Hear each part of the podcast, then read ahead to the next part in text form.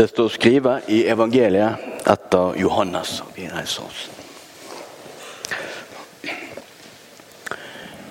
I opphavet var Ordet. Ordet var hos Gud, og Ordet var Gud. Han var i opphavet hos Gud. Alt var til ved Han, og uten Han ble det ikke noe til. Det som var til i Han, var liv, og livet var lyset for mennesker. Lyset skinner i mørket, og mørket har ikke overvunnet det. Et menneske sto fram, utsendt av Gud. Navnet hans var Johannes. Han kom for å vitne. Han skulle vitne om lyset, så alle kunne komme til tru ved han. Han sjøl var ikke lyset, men han skulle vitne om lyset. Det sanne lyset, som lyser for hvert menneske, kom nå til verden. Han var i verden, og verden var til ved han og verden kjente han ikke. Han kom til sitt eget, og hans egne tok ikke imot han. Men alle som tok imot han, de gav han rett til å bli Guds barn, de som tror på navnet hans. De er ikke fødde av kjøtt og blod, ikke av menneskevilje og ikke av manns vilje, men av Gud. Og ordet ble menneske og tok bostad mellom oss. Og vi så hans herligdom. En herligdom den enbårne sønnen har fra far sin, full av nåde og sanning. Slik lyder det hellige evangeliet.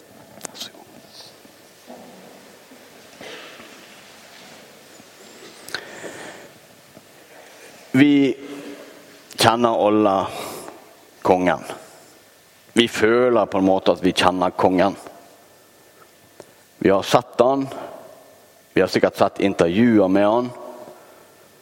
Den norske kongen, han, han kjenner vi.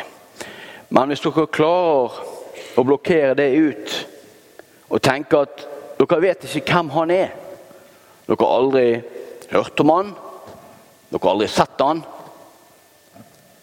og nå skal jeg ved hjelp av mine kunstneriske evner vise dere hvordan kongen ser ut. Kong Harald den femte. Sånn ser han ut. Han har krone på hodet. Han smiler alltid, for han er veldig hyggelig. Og så har han et valgspråk, og det er 'dronningen og jeg' det er kongen. Så kan dere Dere vet jo, fordi at dere har kunnskap, så vet dere hvor full av feil denne framstillingen er. Eh, jeg har kanskje ikke lagt all min flid inn i dette her. Eh, jeg kunne gjort en bedre jobb, og det, det ser dere sikkert. Poenget er det at kongen han har fått en kunstner. Han har fått en kunstner til å gravere ut hvordan han vil at han skal framstå for alle mennesker i landet vårt.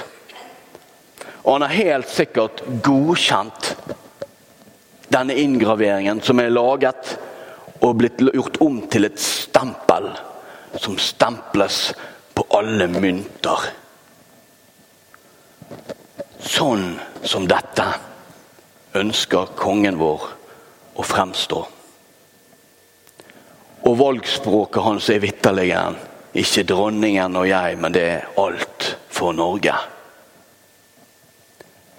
Dette, dere, er autorisert. Dette er skikkelig. Det er ikke en skribling på et papir. Det er noe holdbart noe. Vi kan ikke gå rundt og bare endre på myntene. De er laget sånn at det går ikke an å endre på dem så lett. Min tegning kunne vi godt ha gjort om på. Sikkert fått den til å se bedre ut. Men mynten, den står fast. Det er ganske interessant å se hva som skrives om Jesus, dette barnet som skulle bli født. Det står hos hebreerne Han er utstrålinga av Guds herligdom og et bilde av hans vesen. Han ber alt med sitt mektige ord. Det er tøft. Men det som står før, det er at i tidligere tider så brukte Gud profeter til å formidle hva Gud ville, og hvem Gud var. Profeter, dere. Sånn som deg og meg. Ja, ikke det at vi er profeter, men mennesker som deg og meg. Full av feil og mangler og Det er klart at det bildet som profetene kom med, det var ikke et nøyaktig bilde på Guds vesen. Det var filtrert gjennom profetene. Da kunne ikke de gi hele bildet. Men med Sønnen så skjer det noe helt annet. Med Sønnen så får vi se utstrålinga av Guds helligdom og bildet på hans vesen. Og det fantastiske er det er ikke ofte jeg brifer mine enorme greskkunnskaper. da. Men eh, i dag så tenker jeg det er viktig. I Bibelen vår står det at Jesus er bildet på hans vesen. På Guds vesen. Men på gresk så står det ordet for bildet karakter. Jesus er karakteren. Og da må ikke vi tenke på et skuespill med en, en karakter. Noen som spiller noe. Nei, vi må se på ordet, hva det egentlig kommer av. En karakter, dere. Det var når en keiser sa til en kunstner Nå skal du meisle ut og lage et bilde som vi kan ha som et stempel. Så kan vi lage det stempelet på alle myntene. Og det, det bildet, det skal jeg godkjenne. Fordi det skal være en karakter eller et bilde på mitt vesen. Ikke bare en tegning. Ikke bare noe menneskelig, noe som vi kan endre på og skusle med. Nei, noe, et stempel laget i metall som ikke kunne endres på. Som kunne spres utover hele riket og vise bilder på kongen. Og Jesus, han er Guds karakter. Gud har sjøl formet han til å være lik seg. Sånn at når vi ser Jesus, når vi leser om Jesus, når vi leser hva han gjør, hva han sier, så skal vi vite at det er Gud.